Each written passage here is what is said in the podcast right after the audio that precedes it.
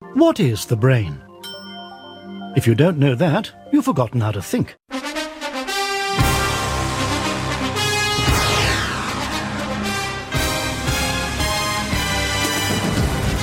Please ensure you have your copybook at hand, as you'll be asked to take down notes from the screen at various points throughout the program. Du hører på uillustrert vitenskap.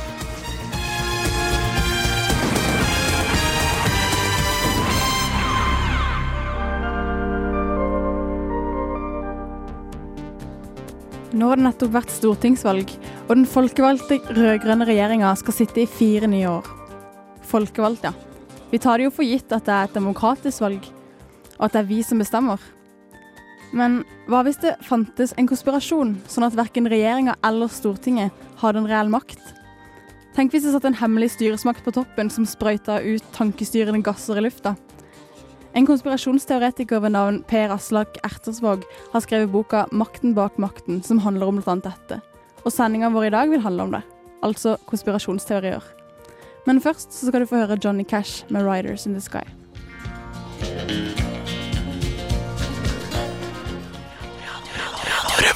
Der hørte du Johnny Cash med 'Riders in the Sky'. Og du hører på Uillustrert vitenskap sammen med meg, Susanne, og du som heter Ole Eivind. Og eh, hva er det vi skal gjøre i dag? Nei, vi skal jo snakke om eh, konspirasjoner. Eh, litt relatert til norsk politikk. Du skal jo snakke om chemtrails. Jeg har satt meg litt inn i svineinfluensakonspirasjoner. Ja. Og så skal jeg jo snakke litt om vin også, nå. Ja. Hvorfor vin? Hva, hva går dette ut på? Nei, altså det er jo litt stusslig med bare konspirasjonssnakk, selv om det er gøy, Ja, det òg. Bryte det opp litt. Ja, bryte litt opp med vin. Mm. Eh, men altså chemtrails, det er kanskje noe som ikke så veldig mange har hørt om. Det kommer dere til å få lære mer om i timen, denne timen som kommer nå. Men eh, det er altså kjemikaliespor, er det et godt norsk ord? Ja. Det er vel strengt tatt kondensstriper etter fly. Ja, det er vel det, er vel det det egentlig er. Ja. Men eh, nå må vi ikke foregripe begivenhetenes gang. ikke at jeg har tenkt å vente så veldig med å si det. Men, eh, men det, er, det, er, det kommer bare sånn kondensstriper fra flyet. Mm. Ja. Det er ikke noe å bekymre seg over. Vi skal, vi skal ikke spre noe sånn skremselspropaganda. Nei, helst Det, ikke. nei, det skal vi ikke. Hvis, hvis vi sprer skremsel, skremselspropaganda, så har vi ikke gjort jobben vår. Nei, vi skal undersøke dette med vitenskapelig eh, scrutiny. Ja. Vi må ikke bruke altfor mye engelske ord, det blir jo helt uh, for jævlig å høre på, kanskje. Men uh, først skal vi i hvert fall høre litt grann musikk før vi kommer så langt. Uh, det er Busy Single med Tie Dye Face. It for the girl it for the girl.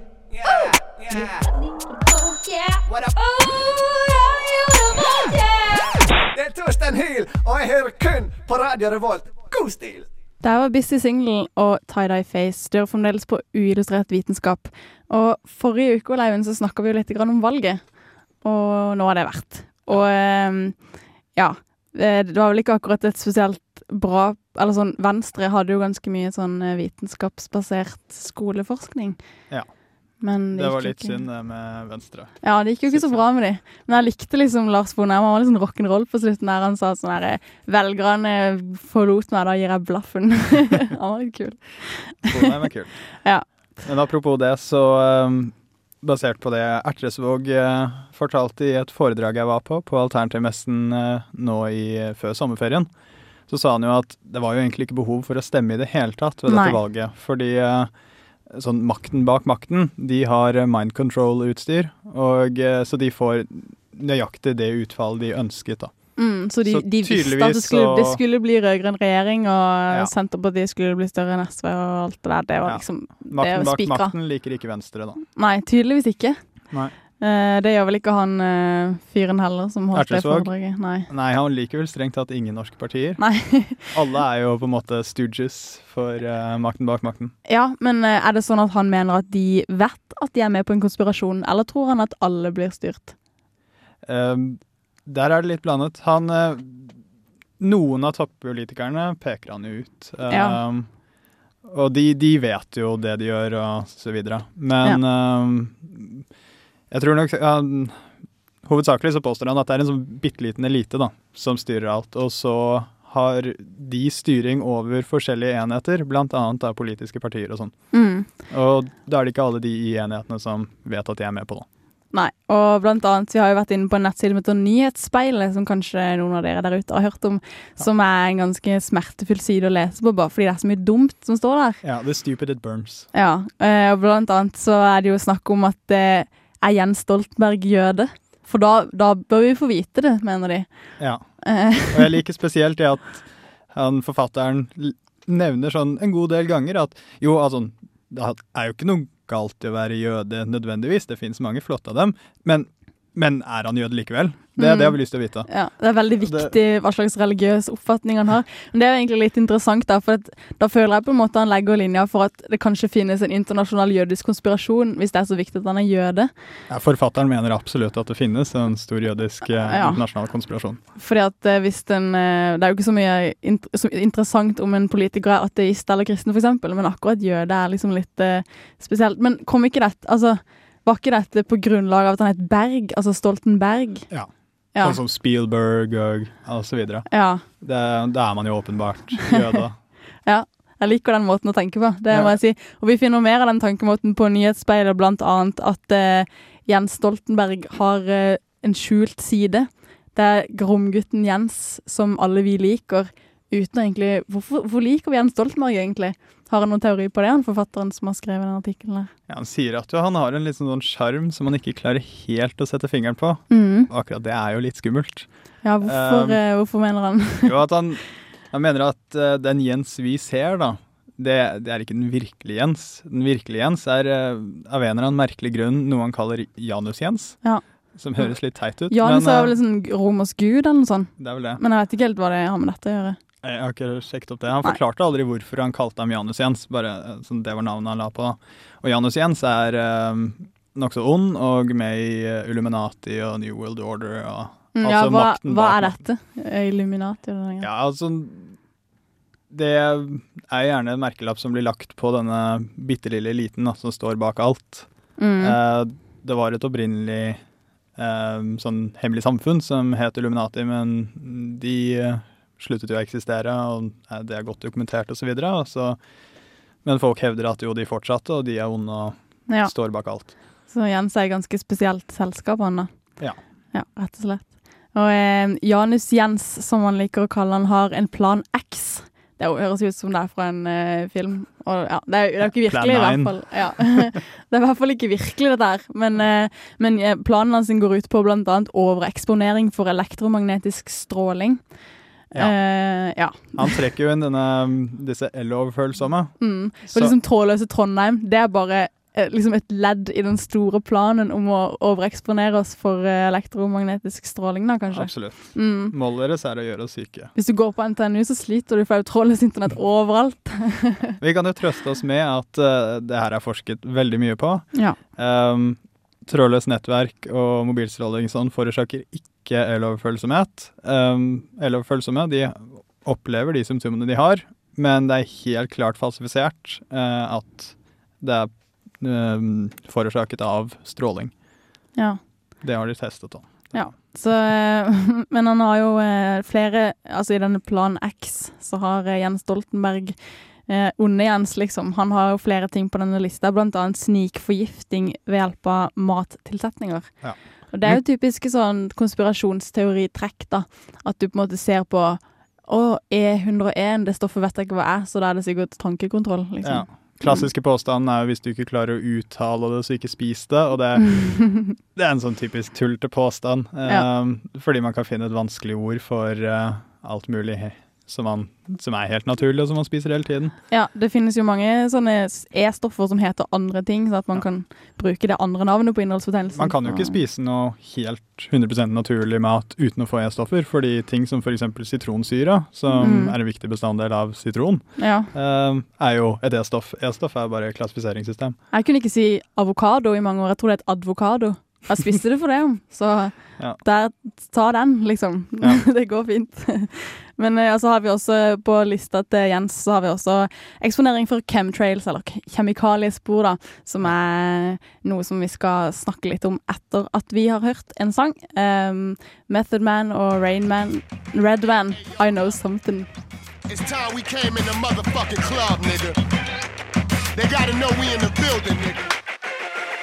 Du hører på Radio Revolt, studentradioen i Trondheim.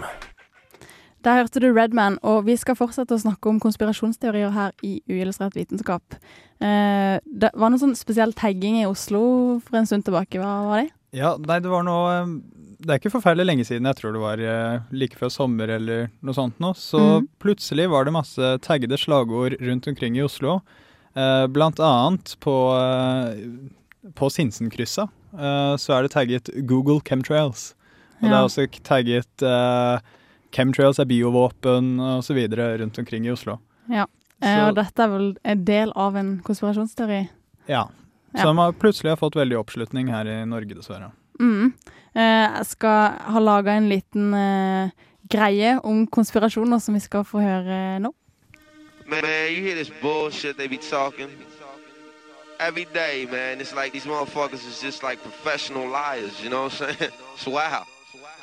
Listen, Bin Laden didn't blow up the projects. It was you, nigga. Tell the truth, nigga. Bush knocked down the tower. 11. september er en hendelse som det har blitt knytta ekstremt mange alternative forklaringer til, såkalte konspirasjoner.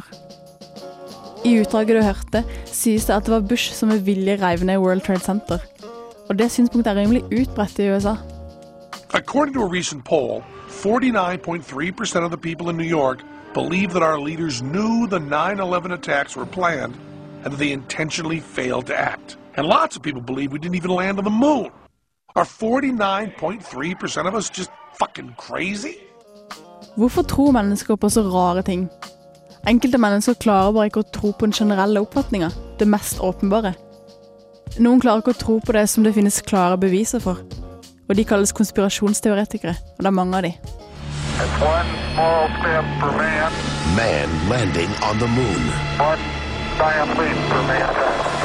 But believe it or not, some people say it never happened. This whole thing was a fake. Decide for yourself as we explore the evidence. Konspirasjoner kan jo skje, det er ikke det jeg sier. Watergate-skandalen som Nixon var med på, det var jo en konspirasjon. Og angrepet på Pearl Harbor var en japansk konspirasjon. Men til poenget, hvorfor tror folk på dette her? Et interessant poeng er måten hjernen vår fungerer på. For hjernen ikke bare registrerer det vi opplever, han tolker opplevelsene. Og ofte kan hjernen oppfatte en sammenheng som ikke engang eksisterer. Små tilfeldigheter kan bli linka sammen i hjernen til en intrikat forklaring, en konspirasjon. Et annet fenomen er at folk kan ha en tendens til å tro at verden er styrt av hemmelige agenter, og at alt som skjer i livet vårt, skjer fordi de vil det. Konspirasjonene blir en blanding av å se ikke-eksisterende sammenhenger og troen på disse hemmelige styresmaktene. Et annet fenomen som virker inn, er at når man sitter med en oppfatning, så vil hjernen huske spesielt godt de opplevelsene som stemmer med oppfatninga. Jeg har f.eks. en grandtante som mener at hun kan se på magen til en gravid dame og gjette kjønnet på ungen. Hun husker bare de gangene hun har rett, og ingen nevner alle gangene hun har gjetta feil. Så i tante Lillys hode så er hun nærmest synsk. Ser dere hvordan dette her kan balle på seg?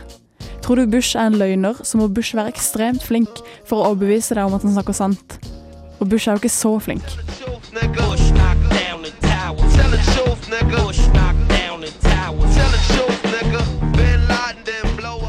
Studentradioen pod pod podcast. July 6, 2007, about 4.30 p.m.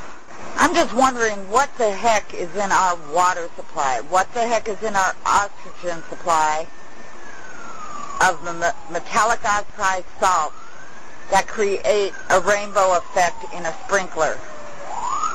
What is oozing out of our ground that allows this type of effect to happen?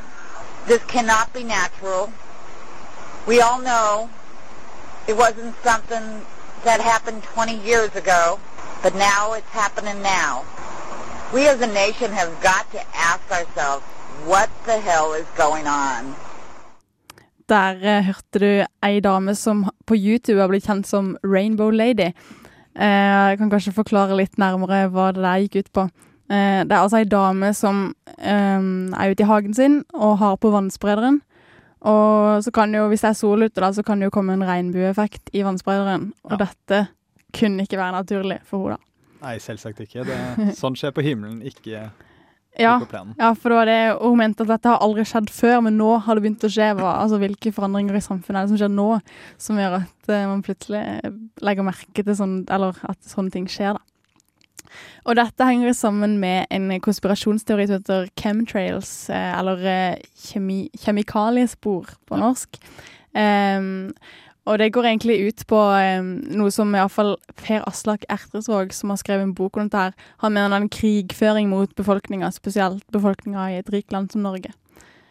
Em, og det er rimelig sære greier. Det må sies. Ja, uh, og det kan egentlig Altså i utgangspunktet da, så handler det om å se på disse kondensstripene som fly etterlater seg.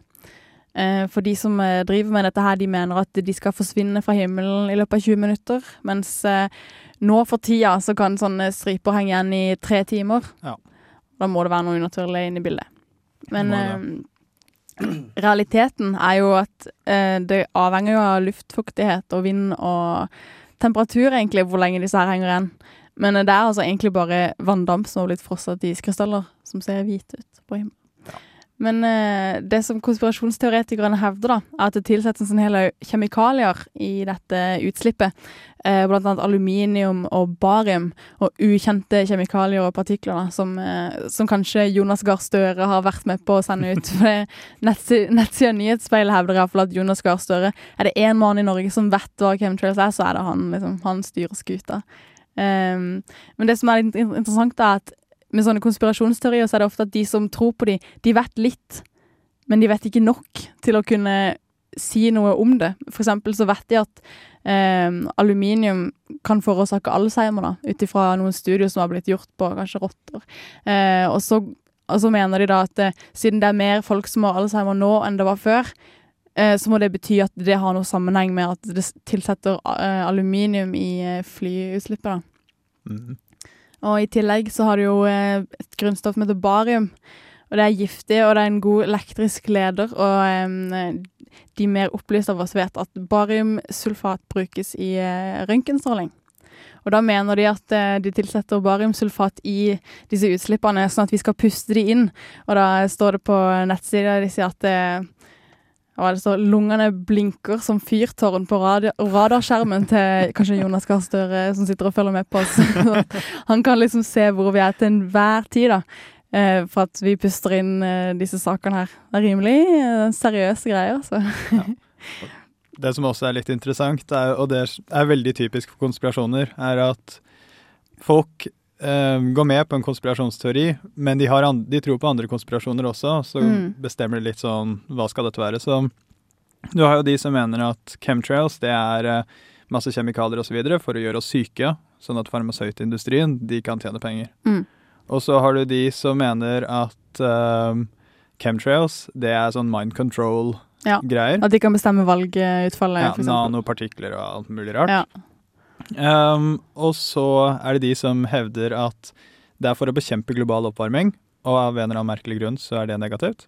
Mm. Og så er det en annen camp som mener at det forårsaker global oppvarming. Og det, Ja. er, det er åpenbart. Men det som er litt, som folk måtte ha sett litt på, da, de som prøver å ta til fornuft, er jo at uh, dette er jo ikke den mest effektive måten man kunne styrt ting på. da. Det har vært snakk om at er noen hypoteser om at de kunne jo f.eks. Eh, ha kontakt med mobiloperatører og funnet hvor vi er ved hjelp av mobiloperatører. Ja, man, kan jo, eh, man kan plassere en liten sender i reguleringa til ungdommer for å finne ut hvor ungdommene befinner seg til enhver tid. Men det er vel egentlig ganske typisk for konspirasjonsteorier, det også. At Ja. disse folkene, eller makten bak makten, da, de er veldig onde. De er veldig intelligente, men samtidig veldig dumme. Ja. De gjør åpenbare feil, sånn at konspirasjonsteoretikerne kan finne feilen og eh, peke ut konspiratørene. Mm. Og så kommer de opp med forferdelig teite løsninger, som f.eks. termitt i World Trade Center og chemtrails. Ja, og så er det jo en fin ting som heter vitenskap, som faktisk, at, at man faktisk f.eks. trenger bestemte kvantiteter av bariumsulfater for å kunne overvåke oss. Og de har kommet fram til at vi trengte vi måtte trenge 100 gram med bariumsulfat hver dag, hver av oss, eh, for at de skulle klare å se oss. For at de har jo tatt Altså, man puster jo inn og ut, og ting kan eh, ja, forsvinne. Og da måtte de jo ha ekstremt sånn kontrollerte utslipp, eller ekstremt store utslipp av bariumsulfat. Finnes vel ikke nok bariumsulfat i hele verden hvis vi klarer å overvåke, overvåke oss hver eneste dag med 100 gram per person. Da kommer det opp i ganske Burde store mengder. Ja, rett og slett. Men eh, ja. Så tips til eh, Illuminati, eh, gå over til G GPS eller noe. Ja, og eh, hvis, du, hvis du er redd for dette, bruk gassmaske, som mange av de konspirasjonsteoretikerne faktisk går rundt med. Eh, for eh, så lenge du har pusta det inn, så nytter det ikke å gjemme seg, som de sier. Eh, de mener jo også at Star Wars-våpen testes i disse dager eh, på Norge. Eh, ja. jeg har ikke sett Star Wars, jeg, men jeg eh, trenger vel egentlig ikke kommentere den saken nærmere. Nei. Men et annet råd fra konspirasjonsteoretikerne rundt chemtrails er at du ikke må se på disse, på disse flystripene, eller eh, kjemikaliesporene, eh, med mindre du skal filme det og legge det ut på YouTube, for det er veldig viktig å dokumentere det. Hvis du søker på chemtrails på YouTube, så finner du et, et vell av videoer, altså helt sinnssykt mange videoer. Det er veldig skremmende. Mm. Nå begynner jeg å få nok av dette tullet her. Nå, nå tror jeg vi er ferdig med chemtrails, og nå skal vi høre på La Ro, uh, I'm Not Your Toy.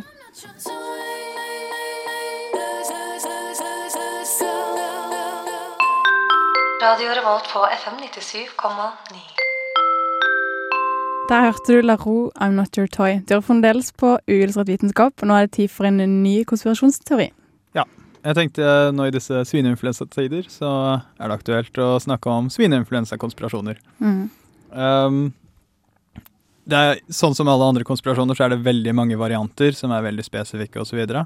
så jeg tenkte å ta for meg den mer generelle, og alle de andre på en måte bygger litt på det og forandrer bitte litt og legger til ting. Eksempel legger til chemtrails eller noe sånt noe. Sånn generelle konspirasjonen er at eh, makten bak makten har sånn tredelt mål nå. Eh, først så har de lyst til å spre viruset. Dette i en litt sånn sosialdarwinistisk uh, mål om å uh, drepe de svake i samfunnet, de nyttesløse. Um, fordi de trenger vi jo ikke når makten bak makten tar over fullstendig. Um, og så har de lyst til å selge vaksinen, fordi de trenger jo penger, de òg. Og i tillegg så har de lyst til at folk skal bli syke. Um, og vaksinen, vet jo alle, gjør oss syke. Og så er det tredje er at de vil skape panikk.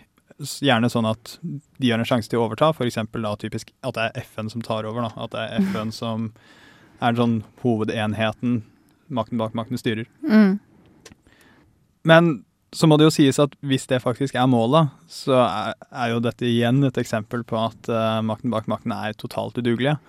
Uh, fordi uh, altså H1N1-viruset, som da svineinfluensaviruset vi har nå, det har en dødelig, dødelighetsrate på 0,6 Eh, Effektivt som det. ja, så hvis målet er å drepe unna så mange som mulig, så mm, det er feil. Um, og så var jo også målet å drepe de svake og de unyttige i samfunnet. Og hva er det vi har sett? Jo, de som er mest utsatt, er jo de som er under 60. De som Mm. kan faktisk gjøre noe jobb, osv. Så, videre. så ja, typisk dum idé det der, da. Men det er det jo noen av disse konspirasjonsteoretikerne som har lagt merke til at ja, det her var egentlig ikke så veldig effektivt våpen. Eksempel en som heter Alex Jones, som er en av de største personlighetene innen konspirasjonstenkning. Da. Han har jo lagt merke til dette, at ja, eh, makten bak makten vil jo ikke være så elendig til dette. Eh, så hvis viruset er svakt, så er det med vilje. Dette er en betatest. Ja, De har en Eh, forklaring på alt, altså. ja, de, det er gjerne ad hoc-forklaringer, da, Mm. men de har forklaringer. Um, så han ser for seg at um, etter denne testen så kommer de da til å uh, kaste ut et nytt virus, som da selvsagt vil være kjempedødelig og kjempefarlig. Mm. Um, han mener også uh, Det er veldig så, motstridende alle de påstandene han kommer med, da, med at eh, viruset også blir spredt gjennom vaksine. Da. Uh, så istedenfor å vaks vaksinere deg mot svineinfluensaen, så får du svineinfluensaen ved å ta denne vaksinen. Da. Bare for å sørge for at alle blir med. Alle skal med. ja. Så en annen sånn typisk påstand blant disse svineinfluensakonspiratørene, da, det er eh, at uh, tydelig bevis på at det er en konspirasjon, er jo at vaksinen kom så raskt. Uh, fordi vanligvis så må vi vente ni måneder på en influensavaksine. Uh, men det går, gikk jo veldig mye raskere denne gangen, bare sånn seks måneder. Grunnen til det var egentlig bare flaks. Og det var at eh, det kom inn influensasesong, så da hadde de faktisk kapasitet til å produsere mer eh, vaksiner. Og da slapp man den første tremånedersperioden eh, i den vanlige nimånederssyklusen, eh, som går ut på å finne ja, som eh, går ut på å finne hvilket virus de skal plukke, fordi vi visste at det var H1N1. Mm. Så um, ja. jeg vet ikke helt hva jeg skal si. Det blir liksom mye av det samme. De, mener jo at eh, vaksiner forårsaker autisme også. Det er jo en litt annen Ja. leir, men det er samme greia, på en måte. Det har også blitt en veldig stor bevegelse der. Um, og det her igjen har jo blitt testet veldig grundig, og det viser seg å være helt falskt. Mm. Men det stopper jo ikke de som Altså Når de det. først tror på konspirasjon, så nytter det ikke altså, å få høre en ekspert uh, uttale seg imot det. Nei, og studiene som falsifiserer påstanden deres, de er det jo makten bak makten som står bak, da. Mm. Um, Big science og alt det der. ja. Hvis en ekspert uttaler seg, så er han bare med på konspirasjonen. Kjøpt og betalt. Nå skal vi iallfall høre på Slaughterhouse, The One featuring The New Royals.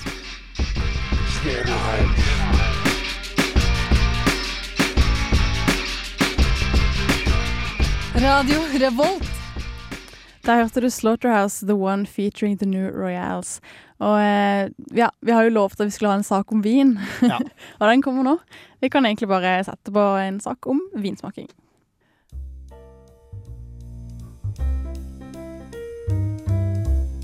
Når man skal handle vin til selskapet, er det praktisk med anmeldelser som kan hjelpe en med å finne en ordentlig god vin. Men har du noensinne tenkt på om vinen ville smake like godt om du ikke hadde fått den så sterkt anbefalt? Det har forskere sett nærmere på. Det er gjort mye forskning som viser at vin smaker bedre om vi forventer en god vin. Her har forskere bedt folk bedømme vinen etter å ha variert bestemte faktorer som oppgitt pris og kvalitet. Men viser dette at våre forventninger faktisk forandrer hvordan vi oppfatter smaken, eller kun at personer som blir fortalt at vinen er dyr og meget god, sier seg enig, for ikke å miste anseelse eller skuffe den som serverte vinen? For å få svar på dette spørsmålet utførte to forskere en ny undersøkelse, som i år ble publisert i tidsskriftet Appetite. 163 personer ble bedt om å smake og bedømme en argentinsk rødvin som hadde mottatt 92 av 100 poeng av den kjente vinsmakeren Robert Parker. De ble også bedt om å oppgi prisen de var villige til å betale for denne vinen. Forsøkspersonene ble delt i fem grupper. Den første gruppen ble fortalt at vinen hadde fått 92 Parker-poeng før de fikk smake vinen. På tilsvarende vis ble den andre gruppen fortalt om anmeldelsen før vinsmakingen, men disse fikk høre at vinen hadde fått middelmådige 72 Parker-poeng. De to neste gruppene ble også fortalt at vinen hadde mottatt henholdsvis 92 og 72 poeng, men fikk høre dette først etter de hadde smakt vinen. Den siste gruppen var en kontrollgruppe som ikke fikk noen informasjon i det hele tatt. Resultatet ble at gruppene som fikk høre vinanmeldelsen før smakingen, bedømte vinen annerledes enn gruppene som hørte anmeldelsen etter smakingen. De som ble fortalt at vinen skåret 92 poeng før smaking, ga vinen en langt bedre karakter enn de som fikk høre det samme etter selv å ha smakt den. Personene i gruppen som før smaking fikk høre at vinen fikk 72 poeng, ga vinen langt dårligere bedømmelse enn de som smakte vinen selv før de fikk informasjonen. Prisen gruppene sa seg villige til å betale for vinen, samsvarte godt med poengsummene de oppga. Sammenlignet med kontrollgruppen viste det seg at personene som fikk høre anmeldelsen etter smaking, ikke forandret bedømmelsen av vinen, og at en dermed kunne utelukke at forskjellen i vurderingen av vinen var forårsaket av personenes ønske om å fremstå som bedre vinsmakere. Forsøket bekrefter altså hypotesen om at vi oppfatter smak på forskjellig vis, avhengig av våre forventninger. Så neste gang du inviterer noen på middag, husk å skryte litt av vinen før servering. Det vil faktisk gjøre den bedre.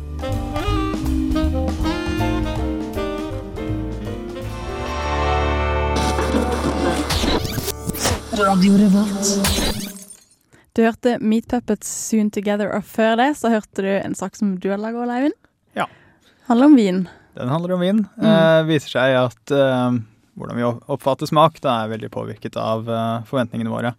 Eh, og det er et annet studie som kom i 2007, eh, der de ga 41 gjester på en restaurant som alle fikk samme meny, eh, et eh, gratis glass eh, vin. Eh, men flasken de brakte til bordet, for halvparten var merket eh, med Noah's Winery i California, mens den andre halvparten var merket Noah's Winery i North Dakota. Og eh, egentlig var det jo samme vinen begge to, da. Og det det viste seg, var at eh, de som fikk vinen merket California, de eh, likte eh, maten og vinen mye bedre. De syntes det smakte bedre. bedre. I tillegg til at de spiste 11% mer. Det er et slag i fjeset for North Dakota. Ja, og dette var jo årsaken var at folk forventet ikke at det kunne komme god vin fra North Dakota. Mm. Uh, og at det da også trakk ned maten. Så uh, en tilføyelse til det hete tipset i uh, vinsaken er um, neste gang du ber folk på middag, snakk varmt om vinen, fordi da vil både vinen og maten smake bedre. Mhm. Det er stilig at, eh, at det fungerer sånn at det Ja, men det er på en måte noe man nesten kan se for seg, da. Ja. At uh, når man får høre noe bra om noe, så blir man veldig påvirka av det. Mm. Mm. Ja, eh, vår sending i dag eh, nærmer seg slutt med stormskritt. Vi kan snakke litt om hva vi har tenkt å gjøre neste uke, for det tror vi blir en veldig bra sending. Det blir veldig bra. Ja, vi skal, eh, skal ta og ringe en, eh, en kreasjonist, Peder Tyvan. Um, jeg har snakka med han litt grann før, han var illsint person, så jeg tror det kan bli en eks et eksplosivt intervju, rett og slett. Um, ja, han, han virker som en type som man bør ha et intervju med i forbindelse med dette, da, for at vi skal snakke om kreasjonisme og evolusjon. evolusjon. Uh, det er jo ikke spesielt utbredt i Norge, egentlig, kreasjonisme. Nei, heldigvis. Nei. Men, men man snubler over det med jevne mellomrom. Mm, definitivt. Men uh, i USA så har det jo ekstremt stor oppslutning at, eh, at folk rett og slett ikke har så veldig stor tiltro til evolusjon. da. I, I motsetning til her, i hvert fall. For her er det jo ja, den generelle oppfatninga at uh, Og de trekker faktisk inn konspirasjonsteorier om at big science utelukker dem fra den vitenskapelige debatten. mm, Og det har resultert i en ekstremt irriterende film med navn Expelled, Ja. som tar for seg denne kontroversen, som man kan si i gåseøyne. Det er jo ikke egentlig kontrovers. Nei, for, det er eh, falsk kontrovers, da. Ja, kreasjonisme er jo overhodet ikke noen vitenskap. Men det, det er det jeg har tenkt å spørre herre Tyvan om i neste, i neste sending, da. Om, eh, om han mener at Bibelen på en måte er et vitenskapelig dokument som burde tas seriøst i vitenskap. Det blir meget spennende å se på. Eh, jeg har vært Susanne Sandell, og du? Jeg har vært Ole Eivind. Ja, og vi skal fortsette å være det neste uke. og Da får vi vår medprogramleder Erlend Tvetten tilbake. Så eh, det blir koselig. Og da skal det altså handle om kreasjonisme, blant annet. Nå får du høre Matti Syahu med 'Struggler'.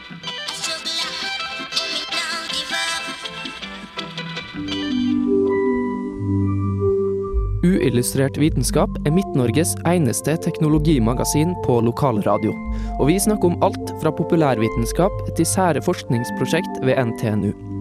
Radio Revolt, studentradioen i Trondheim, er stolt av å kunne presentere podkaster fra de aller mest populære programmene våre. Hvis du har lyst til å høre mer fra Radio Revolt, hvem vi er og hva slags musikk vi spiller, så kan du høre oss på FM-båndet i Trondheimsregionen, eller streame sendingene våre live på radiorevolt.no.